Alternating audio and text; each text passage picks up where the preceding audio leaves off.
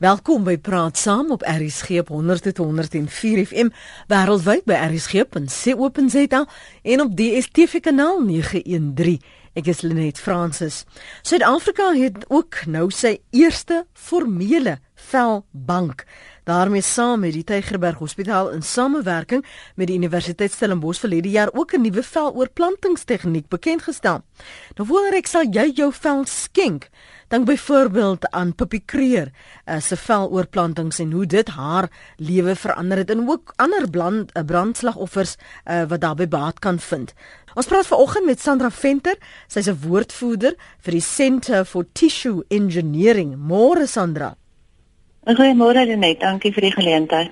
Jy sal vanmôre iets wat stadiger moet praat want dit klink vir my baie kompleks en ek wil graag net verstaan hoe hierdie prosesse werk. As ek hoe opgewonde, um, ek wil hê dat ons mekaar moet verloor in die gesprek nie. So sê eers vir my die Centre for Tissue Engineering, wat doen julle daar? Sekerlik net nou die die CTE soos ons hom kortliks noem is basies maar 'n menslike weefselbank.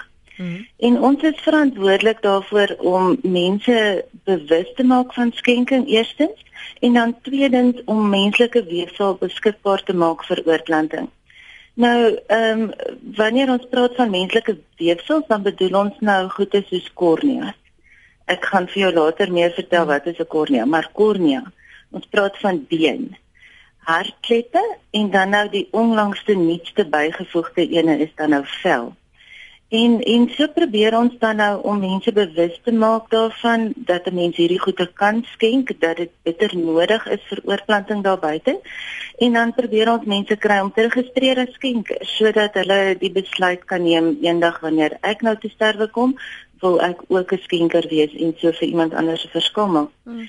Dan die die tweede aspek van ons werk is dan om wanneer iemand wat 'n skenker is nou wel te sterwe kom om dan die nodige konsentdokumentasie, jy weet die wetlike deel van die goede mm. met die familie te bespreek, die die konsentvormpie te voltooi en so aan en dan te reël vir die herwinning van die weefsel. So ons stuur fisies 'n klein herwinningspannetjie uit na die plek waar die skenker is op daai stadium en dis maar gewoonlik 'n hospitaal um, of 'n staatslykhuis of selfs 'n privaat begrafnisondernemer ons stuur iemand uit sien toe dan word die weefsel nou daar verwyder.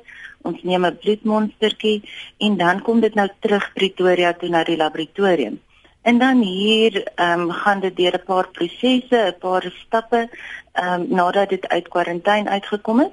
En dan word dit nou beskikbaar gemaak of eerstens voorberei en beskikbaar gemaak vir dokters soos wat hulle nou daarvoor aanvra wat hulle nodig het vir hulle pasiënte Dis 'n kort wat in kort. Ek, ek moet nou 'n aantekening gemaak van die voorbereiding want ek wil graag later uitvind hoe dit werk en veral hierdie herwinningsproses eh, ehm um, want in yeah. my ja. kop eh, sien ek prentjies wat nie noodwendig die waarheid kan wees. So as jy nou praat van 'n bank, dan is dit amper uh, soos 'n um, fabriek waar jy sien byvoorbeeld jy gaan koop verf, slegte voorbeeld, maar jy gaan koop byvoorbeeld verf, ja. dan kry jy nou ehm um, jy weet hierdie prentjies van wat jy moontlik kan ja. oorweeg. Hoe word julle uh, kornea, die been in die hartkleppe waarna jy verwys. Hoe word dit gestoor? Hoe is dit in 'n bank want ons idee van 'n bank um, is soos wat ons 'n bank ken of waar ons gaan mm. verf koop en jy het hier 'n verskeidenheid en jy sê, "Goed, ek wil kyk na dit en dit." Amper so samples. Maar nou, maar nou hoe ja. werk ja. julle sin? Is dit soos 'n laboratorium? Ja, kom ek sê vir jou, ja, ek maar net soos enige ander plek het hy 'n lot kantore en dan het hy 'n paar fancy laboratoriums wat vreeslik mooi lyk en mense met maskers en handskoene en al daai goede beweeg daar rond en werk met die weefsel. Maar basies, ehm um, Lenet, hoekom het 'n mens 'n bank nodig? Dis omdat wanneer iemand 'n traumatiese besering ervaar. Kom ons kyk nou soos na 'n motorongeluk of selfs dan nou die brandstorie in die geval van vel. Dit is 'n skielike insident waar 'n pasiënt 'n groot verlies ly en nou moet daar reeds beskikbaar wees vir die dokter been om te kan oorplant, vel om te kan gebruik vir vir 'n uh, uh, behandeling. So dis nie 'n kwessie van ons kan net vir die pasiënt net 'n bietjie rustig maak en sê lê jy rustig daar. Ons gaan vir jou 'n skenker kry en dan gaan ons jou help nie. Nee, die skenkers moet gekry word. Die weefsel moet voorberei word en wanneer die dokter dan sê nou het ek vir pasiënt A, B of C dit of dat nodig, moet dit reeds gereed wees. Nou met korneas is daar baie mense wat elke jaar ehm um, kornea oorplanting nodig het. Hulle praat van in die omgewing van tussen 6 en 800 eh uh, pasiënte byvoorbeeld in Pretoria, dieselfde in Johannesburg. Ek is nie seker hoe die Kaapse getalle lyk nie, maar dit is groot getalle. En dan die hele transplant eh uh, community ehm um, ons herwin maar in die omgewing van 200 korneas per jaar. So daar's nie 'n manier waarop ons ewen genoeg korneas bymekaar kan kry om almal te help nie. Maar mense het gewoonlik 'n kornea nodig omdat hy besering opgedoen het, soos ek sê, jy weet sien nou maar 'n motorongeluk en daar steek 'n voorwerp in jou oog in mm. en jou kornea word beskadig. Nou kan jy nie meer sien nie. En soms is die enigste oplossing dan nou 'n oorplanting van kornea. Jy sien ons ons dink hierdie goed affekteer ons nie, nê. Ehm um, dit is ver, dit gebeur met ander mense, maar 'n ongeluk gebeur met ons almal. Nou, soos dit dan ook nou maar dieselfde met met been. Ehm um, skeletale been. Ehm um, meeste mense is nie bewus daarvan dat 'n mens kan been skenk nie. Ekskuus tog. Maar die realiteit is dat daar meer as 20000 verskillende been applikasies, ek as ek dit so kan noem, mm. jaarliks gebruik word in hospitale om mense te, te help. En met been soos met korneas gaan dit oor kwaliteit van lewe. As jy nou 'n uh, 'n groot beenverlies gely het as gevolg van 'n besering, beenkanker, uh, iets soos dit 'n skietwond waar daar nou 'n stuk been weg is, sien nou maar uit jou boarm uit. Mm. Die enigste ding om nou hierdie arm te help is om gesonde skenkersbeen in die plek van die verlore been in te plant, nê. Nee. Andersins, wat word nou van daai arm? Die die enigste oplossing is nou amputasie. So deur beenskenking kan ons amputasies vermy.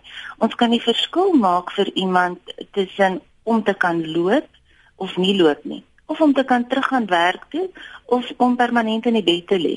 So dit gaan oor kwaliteit lewe. Dit is ons praat nie hier van die tipe oorplanting wat sê nou maar 'n hartoorplanting is wat fisies jou lewe red tussen vandag en môre nie. Dit gaan oor kwaliteit lewe om te kan aanhou om jou eie inkomste te verdien en so aan. Nou nu die ekskuus tog gou, ja, ja maar uh, voor jy die, ons praat oor die hartklippe en so aan. As jy nou hmm. praat van been en en en die persoon het 'n behoefte aan been is dit hmm. been wat al reeds ehm um, deur gewerf is of herwin is o, of is dit ja. been waarvoor jy nou wag of hoe werk dit? Nee, hy moet reeds klaar herwin wees, jy weet, soos en dan waar is hy? Die, dan hou julle dit in 'n stoorkamer of of wat? Weet jy dit is aanvanklik word dit nou by ons uh voorberei en dan gaan dit in 'n vrieskas wat tot minus 40 uh, grade kan gaan en dan word dit in die hospitale landwyd word dit in hospitale geplaas in die teaters reeds. Dit snaaks vir mense om so daaraan te dink, maar ja, daar is 'n teater, 'n 'n vrieskas in die teater.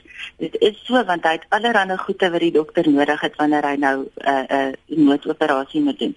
So ja, dit moet klaar gereed wees in die teater se vrieskas lê sodat die dokters kan gebruik. Met kornea is dit 'n bietjie anders omdat 'n uh, kornea kan nie so lank gestoor word nie. Kyk, been kan ons stoor tot so 2 jaar, jy weet, 'n hmm. maksimum van 2-3 jaar. Maar 'n kornea kan byvoorbeeld net vir 14 dae gestoor word. Hy word in 'n in 'n uh, baie mooi pink oplossingkie gesit. Daar's 'n bietjie antibiotika in en goeie wat die selle help om gesond te bly. Uh en dan word hy in die yskas geberg teen so 4 tussen 4 en 6 grade Celsius word hy geberg. En dan moet hy binne 2 weke oorgeplant word. So in daai geval baie keer met mense met wat kornea behandeling of 'n uh, oorplanting moet kry uh weet dat hy 'n oorplanting nodig het, maar dan gebeur dit omdat die goede so skaars is, gebeur dit dat hy 'n rukkie moet wag vir sy kornea. Jy weet, en partykeer het hy 'n infeksie in die oog wat nou eers mooi moet gesond word voordat hy oorgeplant kan word. So die scenario is 'n bietjie anders met die kornea as met die been omdat hy nie so lank gestoor kan word nie. En en wat die groot probleem is, mense ehm um, verlede week het iemand ook gevra maar hoekom is kornea so krisis as die been nie so krisis krisis ja. is nie? Die verskil is basies nou uh met kornea, het ons slegs 12 ure nadat die dood ingetree het om daai kornea te herwin van die pasiënt af, van die skenker af. Mm.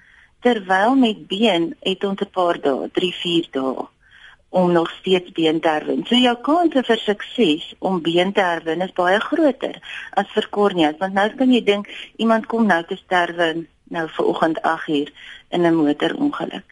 Sy familie moet nog in kennis gestel word. Uh iemand werk dalk eers aan hom, dan word die familie in kennis gestel. Dan moet ons hulle darme 'n uur of 3 gee net om oor daai ergste trauma te kom dan moet iemand met hulle gesels daaroor. Hulle moet papiere invul. Ons moet iemand stuur na die skenker se liggaam toe en al dit moet gebeur voor 8 uur vanaand. So dit is baie moeilik, jy weet, om mm. om dit reg te kry om dan die kornea beskikbaar te kan maak. En is dit enige persoon wat been kan gee of bene kan mm. skenk en, en moet dit 'n sekere tipe been wees? Mm, weet jy die been, ehm um, eintlik al die weefsels kan enige iemand se weefsel gebruik word vir die behandeling of oorplanting op enige iemand anders. Mm. Ehm mm. um, byvoorbeeld met vel vra iemand nou wat is my vel nou Precies. donker is en jou ja. vel is nou lig en hoe kry ons nou die spul bymekaar? Dit maak glad nie saak nie. Jy weet vel word gebruik vir behandeling. Ek gaan net nou meer vir jou mm. daarvan mm. vertel. Die kleur maak geen verskil nie. Onder ons epidermis lyk ons almal presies dieselfde. En en ook met enige weefselskenking is daar nie bloedgroepering wat nodig is nie. Daar's nie 'n uh, 'n uh, hierdie weefsel matching of mm. tissue typing soos hulle sê in Engels wat nodig is nie. So enige eensin kan op enige iemand gebruik word. Maar wat belangrik is met die been, ons herwin, want mense vra, "Jesus, like, ek nou nog nie van dit gehoor nie." Wat presies herwin julle? Nou, dis presies dit. Ons doen die lang bene wat voorkom in ons ledemate. Met ander woorde, daai drie lang bene in jou bene en in jou arms. Ons praat van die femur, die tibia en die fibula en in ons arms praat ons van die humerus, die ulna en die radius. Nou skrik 'n mens dadelik wanneer nou dink jy, o, Jesusie, hoe gaan nou ek nou lyk? Mm, sonne daai been. ja, maar die dis regtig nie so erg nie. Daar's glad nie amputasie van die ledemate nie. Ons ons doen maar basies eh, soos 'n operasie waar daar 'n enkele insnyding gedoen word in die lengte van elke ledemaat, dan verwyder ons die beenweefsel self en dan word al weer 'n kunsmatige weefsel of 'n protese uh ingeplaas in die in die plek waar die been nou sou lê. Uh ons doen 'n bietjie rekonstruksie en dan word dit weer netjies met steke toegemaak. Ehm um, so jy weet die pasiënt behou sy vorm as ek dit so kan stel. Ja. Hy gaan nie nou anders ter lyk mm. as voor ons begin het nie. Ehm um, die ondernemer gaan tog vir hom voorberei vir sy diens, sy sy favourite klere vir hom aantrek of sy pak of pakklere of wat ook al. So dis nie iets wat enigiemand gaan sien nie. Ehm um, jy weet selfs met die vel ook. Ons herwin dit ook net van die arms, bene en ook van die rug. Nêrens word 'n persoon se gesig uh geskaad of dat jy nou kan sien met 'n besigtiging hier het nou iets gebeur met hierdie ou nie. So uh daai miskonsepsie, daai prentjie waarvan jy nou nou gepraat het, ehm um, daai daai ding wat ons so in fliek sien, jy weet, dit bestaan nie. Uh ons werk regtig volgens internasionale standaarde met ons ehm um, mense en en ek dink een van die belangrike goed vir ons is om altyd te onthou dat een van die dae is dit een van ons eie familielede nê nee, wat wat nou oorlede is en wat moet skenk. En dan moet ons weer 'n manier waarop hy weer sal herwin word is sodanig dat jy dit sal doen met jou eie familielid. Weet, en ek mm. dink as 'n ou altyd daai beginsel behou, dan behoef daar nooit vrese te wees dat mense uh, se liggame nou nou sleg lyk na die tyd of so iets. Jy weet, alles is intact soos wat dit hmm. behoort te wees. Uh, Alwyn môre? Môre. Praat gerus aan. Ja. Uh ek het 'n vraag hier. Ek is 'n orgaanskenker. O. Dis nou, goed. Ek het nie 'n probleem nie. Ek kan alles vat, né? Mm. My vraag is net, is hoe gaan hulle weet ek is 'n orgaanskenker? Dat ja. die ou het 'n stiekertjie skryf wat jy op jou lisensie plak, maar jou lisensie is nou al verval, jy nou weer 'n nuwe lisensie. Uh waar is daar 'n 'n database? Ek het in die hospitaal op landelik nou dood. Ja. Hoe weet hulle ek se orgaanskenker mm. as niemand dit vir hulle kan sê nie? Mm. Dis die vraag wat ek het. Dankie Alwyn. Want ek het nie 'n probleem dat hulle vat wat hulle wat hulle nodig het om enigiemand anders te se lewe te red nie. Mhm. Mm mhm. Dankie Alwyn. Hoe hoe is die, is daar 'n nasionale database? Ja, weet jy wat Alwyn slaan nou presies daai spyker op die van wat ons grootste probleem in in Suid-Afrika is. As ek vir jou kan sê internasionaal die meeste ontwikkelende lande as ons nou kyk na Europa, ehm um, Amerika, as ek sê byvoorbeeld Spanje, in daai lande is almal 'n skenker. Jy weet by in in Suid-Afrika is niemand 'n skenker nie behalwe as jy sê en registreer en vir jou familie sê ek wil 'n skenker wees. Maar volgens wet is niemand een nie tot hy so sê. In 'n land soos Spanje is almal 'n skenker volgens hulle bepaling van wet. Behalwe as jy sê ek wil nie 'n skenker wees nie, jy raak nie aan my nie.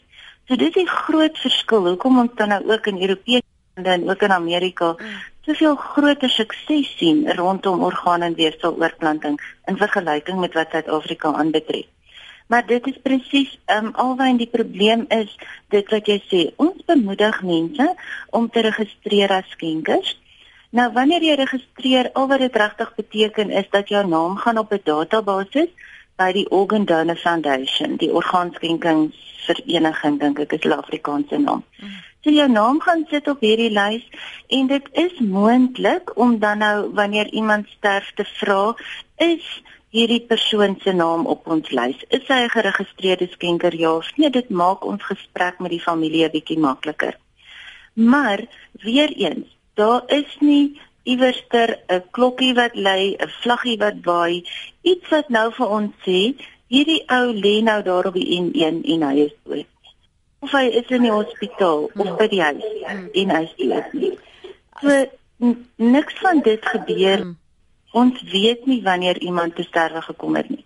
En daarom is dit presies so belangrik dat mense dan net asseblief vir hulle familie sal sê, alwyn sê vir jou hele familie, jou vrou, kinders, almal om jou, jou vriende. As ek my kop die dag neerlê, wil ek graag 'n skenker wees. Maak tog seker dit gebeur.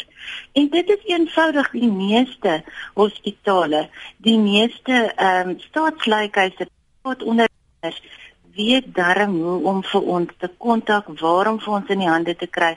En dit is eenvoudig net om te sê, luister, my geliefde was 'n skenker, kan jy dit reël asseblief?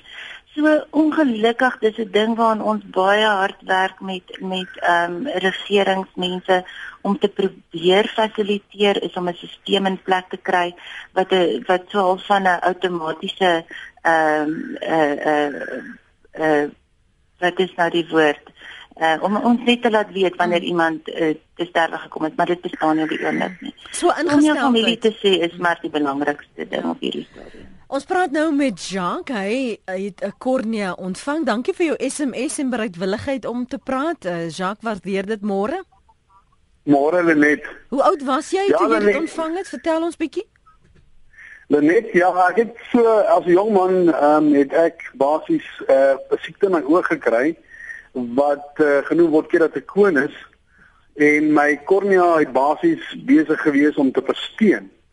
En uh, ek het begin sig verloor en ek was op 'n lys geplaas vir kornea verplantings. Mm. En so 15, 16 jaar terug toe het ek 'n um, ehm, oproep gekry sommer skielik uit die bloute uit.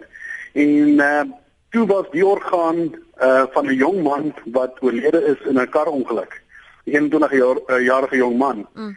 En uh, toe vra hulle vir my, stel jy belang om weet die kornea te ontvang want die vorige uh, ontvanger ehm um, ek gesê nee, ek is 75, ek gaan nie die kornea ontvang.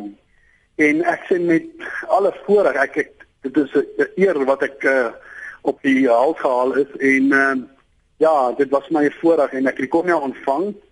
Die operasie was suksesvol en uh, ek kan sê ja, om 'n kornea te skenk of om organe te skenk is regtig jy red 'n ander persoon se lewe. Jy maak sy hele leefstyl ehm um, 'n verskil aan want dit het my weer nuwe hoop gegee mm. en ek het 95% sig in my in my, my oog teruggekry. Sjoe. Dit's ongelooflik. So, ja, dit, dit is dit is regtig awesome en die tegnisië, weet die dokters en almal wat my gehelp het, kan ek net sê, hulle is net in instrumente in die Here se hand en maar dit is regtig geskenk vanuit 'n persoon of 'n familie mm -hmm. wat bereid is om daai geskenk aan jou te gee. So jy eh, neem ek aan gaan dan ook 'n skenker wil wees vir die dag wanneer jy ja. nie meer hier is nie omdat jy self nou hierdie wonderwerk uh, in in 'n tweede lewe ervaar het. Definitief, definitief. Ja, nee, ek is ek het uh, ook aan my vrou gesê, jy weet, die dag as ek tot sterwe ster kom miskien in 'n kar ongeluk of so, mm.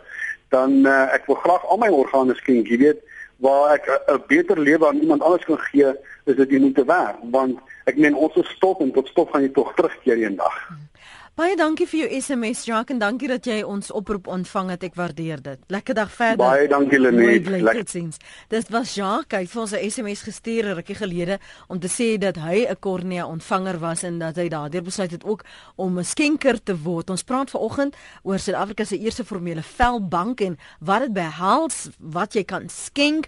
Uh, dalk het jy nie eens daaraan gedink nie. Um, daar is nog 'n paar punte wat ek sien julle op ons SMS lyn na verwys. Ons gaan nou-nou dit probeer hanteer. Eugene is op die lyn van Pretoria. Môre Eugene. Goeiemôre. Ek is orgaanskenker nou al 'n paar jare lank, maar ek het nou gereël by die vergrafnisondernemer om veras te word. Nou as ek nou orgaanskenker is, kan ek dan nie maar so verrassing los en kan julle net maar die liggaam hou en doen daarmee wat julle wil nie. Ou, so jy sê nou byvoorbeeld voor 'n plek daarvan dat hulle jou veras moet hulle jou oes. Ja, hallo my dan aan iets kas en hulle doen maar wat hulle wil so met mediese mediese navorsing vir jare en jare daarna. Kom ek hoor wat sê wat sê Sandra hoe werk die dinge veral wat die omgewing betref. Ja, dit is 'n algemene ehm um, misverstand wat onder die publiek bestaan. Basies as ek dit vinnig kan verduidelik, bestaan daar drie tipe skenkings, nê. Nee. Ons praat van eerstens orgaanskenking of ons kan maar sê orgaan en weefselskenking.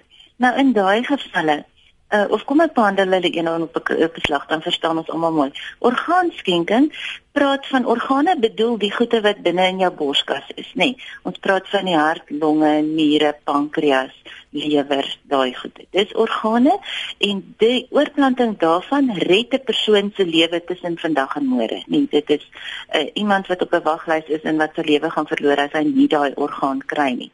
Nou met orgaanskenking, ons kan almal registreer as skenkers. Maar die manier waarop jy nou te sterwe kom op daai dag wanneer jou dag kom, bepaal of jy 'n orgaanskenker op die ount is of nie is nie.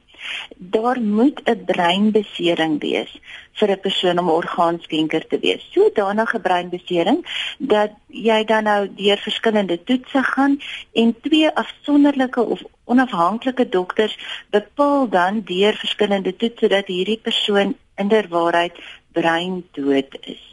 So sy hart klop nog steeds, mm. want kyk die hart is maar net 'n pomp. En so so lank as wat hy suurstofryke bloed kry, gaan hy aanhou pomp. Maar wanneer ons brein dood is, jy weet dan kan die persoon nooit weer revive word nie. Die persoon is reeds klinies dood. So in sulke gevalle word die pasiënt dan teater toe geneem en daar word dan nou organe herwin direk vir oorplanting. Maar weet jy net ongeveer 5% as dit so baie is van alle sterftes gebeur op daai manier. Die meeste van ons gaan langs die pad dood of gaan by die huis dood hmm. of ja in 'n hospitaal maar my hart het ook gaan staan. So uh waar daai spesifieke breindood nie die geval is nie. Nou in sulke gevalle kan ons dan almal weefsel skenk. En soos ek gesê het, praat ons hier van korneas, been, vel en hartkleppe. Dan bestaan daar 'n derde tipe skenking maar wat heeltemal verskil van die eerste twee en dit noem ons vol liggaam skenking.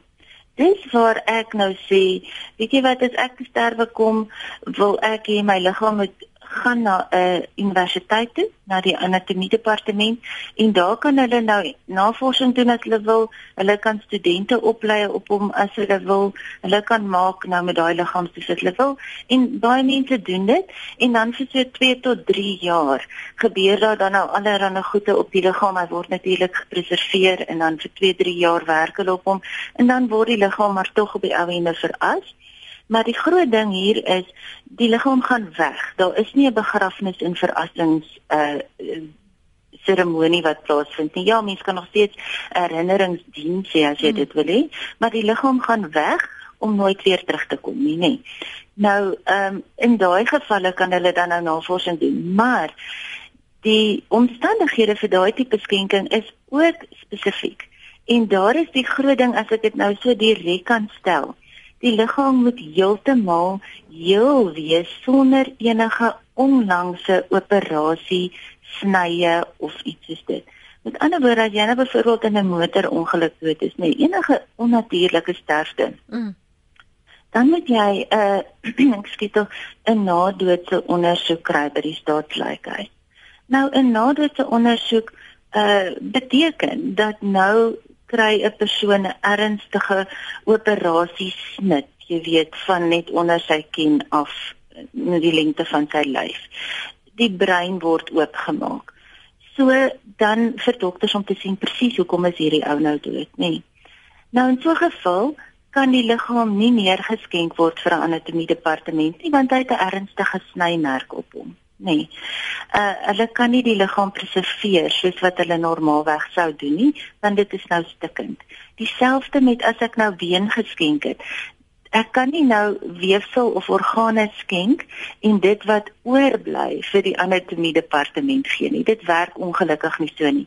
Dis of die een ding of die ander ding. So of jy skenk alles vir oorplanting en jy het nog steeds jou begrafnis of verrassingsdiens na die tyd of die liggaam word geskenk vir anatomie en en daar gebeur nie allerlei ander seremonies nie en die liggaam gaan weg en jy weet dis hmm. klaar. So dit is die verskil tussen die twee. Ons ons is besig om dit nou te herkou om nou te dink aan alles wat jy sê.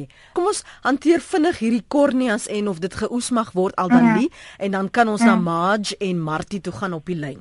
Ehm um, eerstens die die uh, stelling wat gemaak word dat ons nie korneas kan of mag oes in Suid-Afrika nie, uh totaal onwaar as daar so 'n dokumentasie is, sal ek graag so iets wil sien, maar ehm um, en miskien kan ek net hier vinnig sê dat weefsel en orgaanskenker word gereguleer deur hoofstuk 8 van die nasionale gesondheidswet en die regulasies vir weefselbanke wat daarmee saamgaan.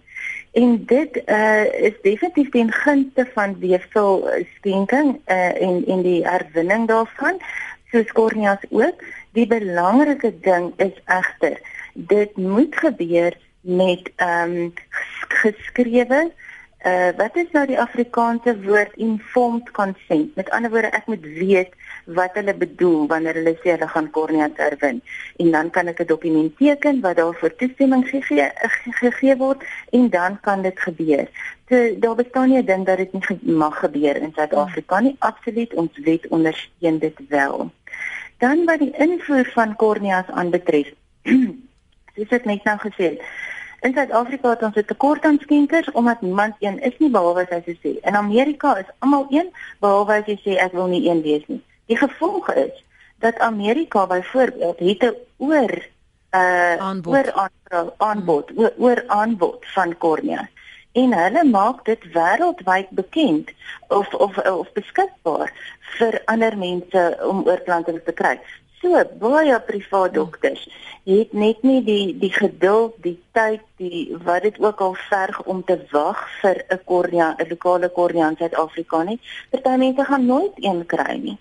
So wanneer 'n pasiënt wel die finansiële vermoë het, dan is dit beskerm die wet ook daai voorreg om 'n kornea te kan invoer wat dan hier oorgeplant kan word. So dis iets wat uh, ons al die optimoloë met wie ons saamwerk wel doen want hulle voel hulle het nie 'n keuse nie. Die behoefte is te groot, die die ehm um, verskaffing is te klein, maar ons wet beskerm dit ook. Dit gebeur wel. Dit is so, maar ja, kostes 3 keer soveel as wat dit nou lokaal sou gewees het. Ja. Yvonne sê my liggaam is aan 'n universiteit geskenk vir navorsingsdoeleindes. Hulle het dit skriftelik aanvaar. En dankie vir daardie geskenk Yvonne. Marge, dankie dat jy aanhou môre. Goeiemôre. Dit is 'n uh, groete aan julle almal. Ja. Ek wou net gesê wat met ons gebeur het.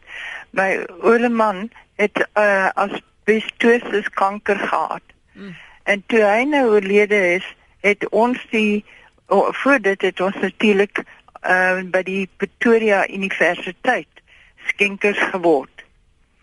En ehm um, wat hulle wel gesê het met die universiteit, jy moet weer 'n uh, 'n uh, uh, uh, wat noem jy funeral uh mense gaan mm -hmm. want hulle weet presies hoe om alles te registreer om jou uh, sertifikate te doodsertifikate maar hulle embalm die ehm um, liggaam en dan stuur hulle dit na die universiteit toe.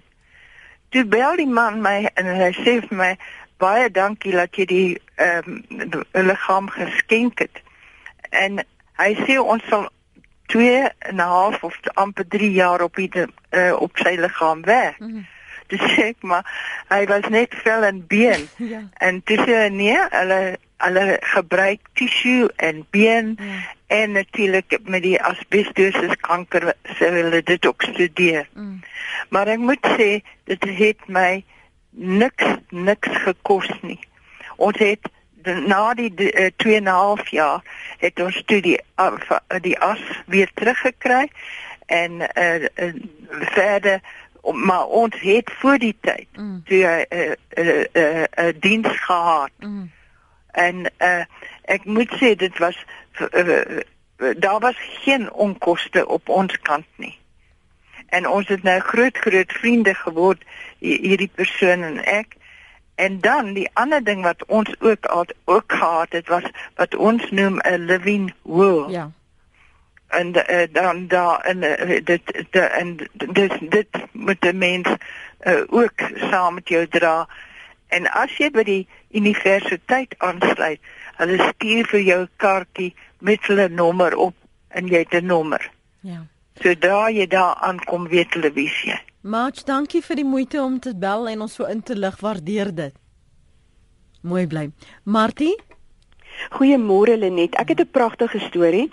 My dogter was by die uh, Expo, uh, die Body Part Expo uh, in Johannesburg gewees. Hulle is matrieks en sy uh, is 'n leerling aan Driehoek uh, skool hier in Vanderbijl Park. En uh, sy sê toe sy daar uitstap, toe sy toe sy nou by die huis kom, toe sê sy mami, weet mami, dit is 'n wonderlike ding dat mense hulle liggame uh uh, skenk sodat mense daarop kan eksperimenteer om mense se lewens te vergemaklik. En uh, net daar het my dogter vir my ook oortuig om 'n uh, skenker te word. So ek en sy gaan albei skenkers word. En dan wil ek ook net ietsie sê ten opsigte van hierdie veloorplantings. Ek dink dit is 'n wonderlike wonderlike idee want dit is geweldige pyn waardeur mense gaan en ja, ek ek wanneer 'n mens oorlede is, dan ehm um, dan behoort jy regtig iets na te laat wat mense se lewens kan vergemaklik en wat meer daarvan kan 'n mens skenk as regtig net jou liggaam. Martie baie dankie vir jou oproep. Waardeer dit ver oggend. Dankie Lenet. Dis dis eintlik mens dink nooit daaraan nie. Dis 'n ander manier om 'n verskil te maak en en nie net 'n lewe te red nie, maar 'n gemeenskap kan jy red um, deur verskillende dele, uh, jou vel, jou been, vanoggend gehoor jou selfs jou hartkleppe en jou kornea. Um, ek wil gou vir jou verwys na die vel. So hoe lank kan jy daardie vel gebruik en om te keer dat daar nou nie infeksies is of dit word septies as dit nou oorgeplant word nie, uh, Sandra? Mm, mm. Ja, weet jy net as ek miskien net so vinnig vir mense kan sê, weet ons gee nie veel aandag aan aan brandwonde nie, nê. Maar Suid-Afrika is regtig 'n droë land. Ons word wêreldwyd beskou as 'n droë land. En ons het dan nou al hierdie baie veldbrande wat altyd in die winter plaasvind, dieselfde met shack fires mm. en soveel mense doen brandwonde op. Uh, weet jy hulle sê dat ongeveer 11% van alle onnatuurlike sterftes in Suid-Afrika is as gevolg van brandwonde ek het nooit besef dat dit so groot 'n uh, probleem is nie. En dat daar ongeveer uh, 268 mense elke maand met ernstige uh, brandwonde hier weet by hospitale aankom waarvan omtrent 160 van hulle kinders is. So die behoefte is baie groot in in ons besef dit nie. Nou wat gebeur met 'n mens wanneer jy brand? Is dat kyk die vel word mos beskryf as die grootste orgaan. Hmm. Hy maak jou toe en hy uit 'n paar basiese funksies, maar vir my die twee belangrikstes is eerstens hou die vel al ons vog binnekant, né? En tweedens wat die vel doen, hy hou al die goggas en infeksie en kieme buitekant. Nou kan jy dink as jy ernstige brandwonde opdoen en jou vel word nou vernietig het jy geen beskerming teen 'n uh, 'n uh, infeksie nie en jy het geen beskerming om jou vog in te hou nie. So jy's heeltemal blootgestel aan die elemente daar buite. Die son is baie meer beskaad, jy weet 'n uh, mm. ernstig sonbrand is baie ernstiger as wat ons almal besef. So nou het ons 'n behoefte om om daai brandwond te kan toemaak sodat genesing kan plaasvind. So ehm um, en en in Suid-Afrika is dit ook so dat ongelukkig is daar die mense wat glo dat brandwond pasiënte nie die aandag kry wat hulle behoort te kry nie. Daar's mense wat sê omdat brandwonde visueel so groot impak maak en ja. so emosionele mm. ehm mm. uh, 'n storie is om te kan hanteer. Is daar ook nie baie dokters wat kies om in in brand uh te spesialiseer nie. So die hele veld uh, kan 'n mens sê word so effentjies afgeskep. Dis nie iemand spesifiek se skuld nie, dis net 'n realiteit.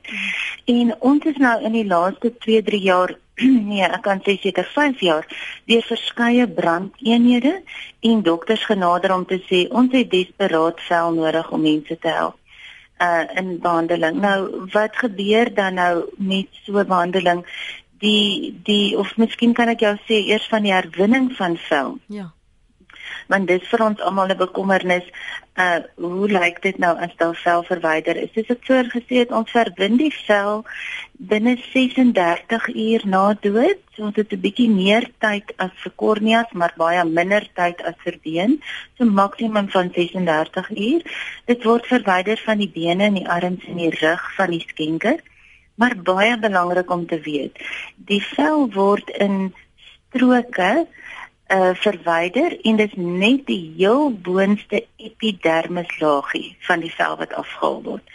So daar is geen uh bloei nie. Jy weet dis nie dat dit vreemd lyk nie vir ons mense wat ek wil sê vir vir ehm um, blanke mense of wit mense dan nou wanneer die vel verwyder is, dan is daar so pink deel wat nou agterbly. Dit lyk so sonbrand. Jy weet iemand wat nou soos 'n hele dag in die Kaap se son gewees het en nou by die huis kom en jy kan nie aan hom raak nie want hy't so gebrand, jy weet hy's rooi. So dit is min of meer hoe dit lyk wanneer daai strokie vel dan nou verwyder is. Dis nie asof ons nou al die vel van die persoon se liggaam afval of op enige sigbare dele nie. Dis net op die mm. arms, bene en rug. Goed dan word die vel gaan nou weer eens laboratorium toe weer eens met bloedmonstertjies om seker te maak dat dit wel veilig is om te gebruik op iemand anders. En dan gaan dit nou deur 'n paar stappe daar in die laboratorium waar dit nou voorberei word en dan gaan dit in 'n vloeistof met die naam van glycerol. Nou, ek is nie self 'n uh, tegnikus wat met die goeie werk nie, maar wanneer dit dan nou in hierdie vloeistof lê, kan dit vir tot 2 jaar so bewaar word. Nou kan jy sien weer eens hoekom is dit belangrik om vel te bank. Ehm um, daar's een een ehm um, dokter wat ander dag vir ons sê, weet as ons land een of ander tyd iets vreesliks moet oorkom, so mm. sien nou maar 'n mm. vliegtuigongeluk, nê, nee, of 'n groot treinongeluk waar vreeslike klomp mense brand. Hoe gaan ons hulle help as ons nie vel het wat reeds gebank is en beskikbaar is om mm. mense te help nie? Mm. Nou, hoe hoe gebeur dit? Hoe werk 'n mens met die vel ja. wanneer dit nou by die pasiënt kom? Basies is die is die groot ding Lenet dat ons moet 'n manier kry om daai brandwonde toe te maak sodat infeksie kan uitbly en vog kan binne bly. Nou kan 'n mens sintetiese materiale gebruik. Daar is sekere dressings soos wat hulle sê brandwond dressings wat jy kan gebruik. Eerste ding, daai goed is baie duur. En dit is ook so dat die meeste van ons brandwond pasiënte uh staatspasiënte is wat nie noodwendig die mediese fondse het om daai goede te kan betaal nie. Nou gebruik die dokter dalk 'n sintetiese materiaal om jou brandwond te bedek. Maar nou moet hy elke 2 tot 3 dae omgerou word vir 'n nuwe een. So nou elke keer wanneer die dokter daai verbande of daai dressing wil afhaal, dan gaan hierdie pasiënt weer deur nuwe pyn, nuwe trauma, mm. want dit dit sit vas, nê. Nee en en dit moet nou afgehaal word versigtig en dan kom daar weer 'n gedeelte van die nuwe selle, die nuwe gesond word, kom weer saam af saam met die dressings. En nou sit ons weer 'n nuwe een op. Net om 2 of 3 dae later die spul weer afdaal en nou weer seer te maak. So ons ons steur elke keer die genesings uh proses, nê. Nee. Wat nou gebeur met vel? En dit wat so amazing is van ons liggame en hoe dit gemaak is.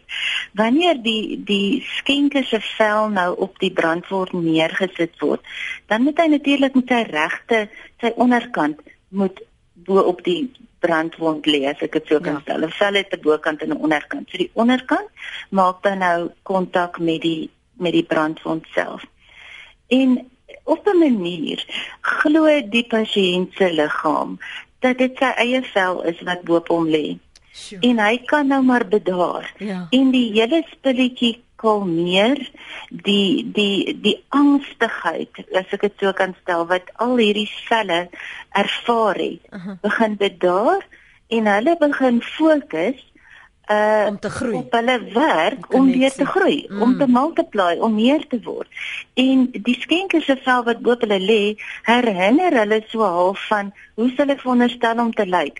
Dit klink vreeslik, jy weet dit is 'n leuke taal, hoe ek ook maar verduidelik is hoe hierdie goede werk. Maar basies is dit wat gebeur. Die die menslike vel kalmeer die wond, die vel begin groei en die amazing ding, hierdie vel kan tot 14 dae net so op die pasiënt lê sonder om gesteer te word. En in daai tyd ge gebeur daar nou wonderlike genesing.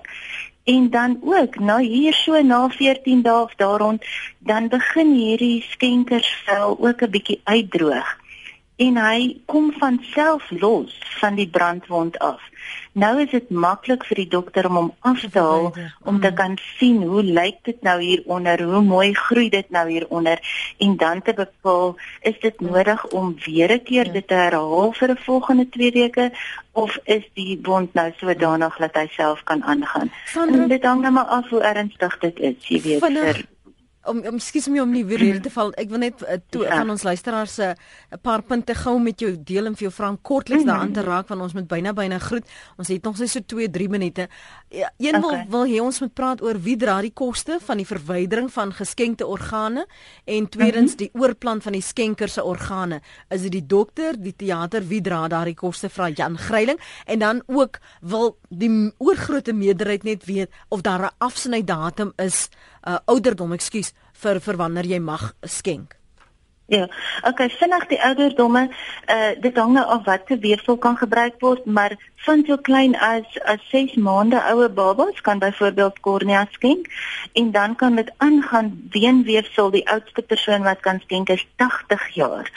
So jy weet ek wil amper sê ons kan almal skenk. So moenie jouself ag as te oud of te jonk of te siek of wat ook al nie. Die behoefte is so groot. Ons kyk na elke een se individuele geval en besluit daarvolgens wat kan gebruik word en wat dan nou nie. wat kostes aanbetref. Ja, daar is kostes, net soos wat daar kostes is met die verskaffing van bloed. Uh is daar iemand moet tog gaan om die bloed of die weefsel te gaan herwin of dan nou te tap, dit moet gestoor word, verskillende stappe wat dit deurgaan en weer voorsien word. Daar is kostes. Nou al hierdie goede, die mense wat met die goed werk, werk almal op 'n nie vir profit basis. Wat beteken ons werk op 'n cost recovery soos die Engelse sê. Um, ons herwin weer ons koste en dit herwin ons van die persoon wat die oorplanting ontvang, die resipient. Hmm. Hy en sy mediese fonds of as hy dan nou in staat is, maak nou nie saak nie, dek daai koste die orgaan of die weefsel self hy is verniet hy betaal jy nie voor nie dit is vir die kostes of die die services die dienste mm. agter die weefsel agter die kornea uh, die die organe mm. waarvoor die ontvanger se mediese fonds of of die staat dan nou betaal en en kan 'n lewende persoon met 'n gesonde vel ook vel skenk weet jy nee, want dan vat dit nou jou beskermingslaagie weg. Dit gebeur self uh, wel dat as daar byvoorbeeld 'n kind is wat nou ernstige wonde het en nou nie te veel vel benodig nie, dat die dokter sy ma sal vra of 'n familielid sal vra om 'n klein gedeelte vel te skenk. Dit kan gebeur, maar oor die algemeen sal ons nie weefsel herwin van gesonde lewende mense om te stoor vir bank nie want dit plaas jou dan nou self weer op risiko. So binne die familieverband gebeur dit wel soms, maar in klein hoeveelhede. Ek wil net vir jou sê dat die baie van ons luisteraars sê ek moet tog vir jou baie dankie sê vir die wyse waarop jy hierdie uh, gesprek hanteer het, die wyse hoe jy so met empatie en en 'n uh, uh, sagte toon uh, die inligting gedeel het. Hulle waardeer dit. Uh, begin nou vir hulle stof tot nadenke. So baie dankie vir jou uh, aanslag en jou beskikbaarheid vanoggend hier op Praat saam Sandra. Ons waardeer dit. Baie dankie Lenet. As almal net registreer as skenkers, sal ek baie bly wees. Baie dankie. Mooi dag verder vir jou. Dit was Selfde. Sandra Venter, woordvoerder vir die Centre for Tissue Engineering. Karina sê baie dankie vir die bewusmaking oor orgaanskenking en weefselskenkel. Ek dink net as enige een van ons kinders se lewe afhang van die ontvang van 'n geskenkte orgaan, gaan daar nie baie gedink of gesels word daaroor nie. Mense gaan sê, "Doen wat jy kan om my kind te red." Waarom dan so baie wik en weeg as dit kom by orgaanskenking? Almal behoort te skenk, skryf Karina.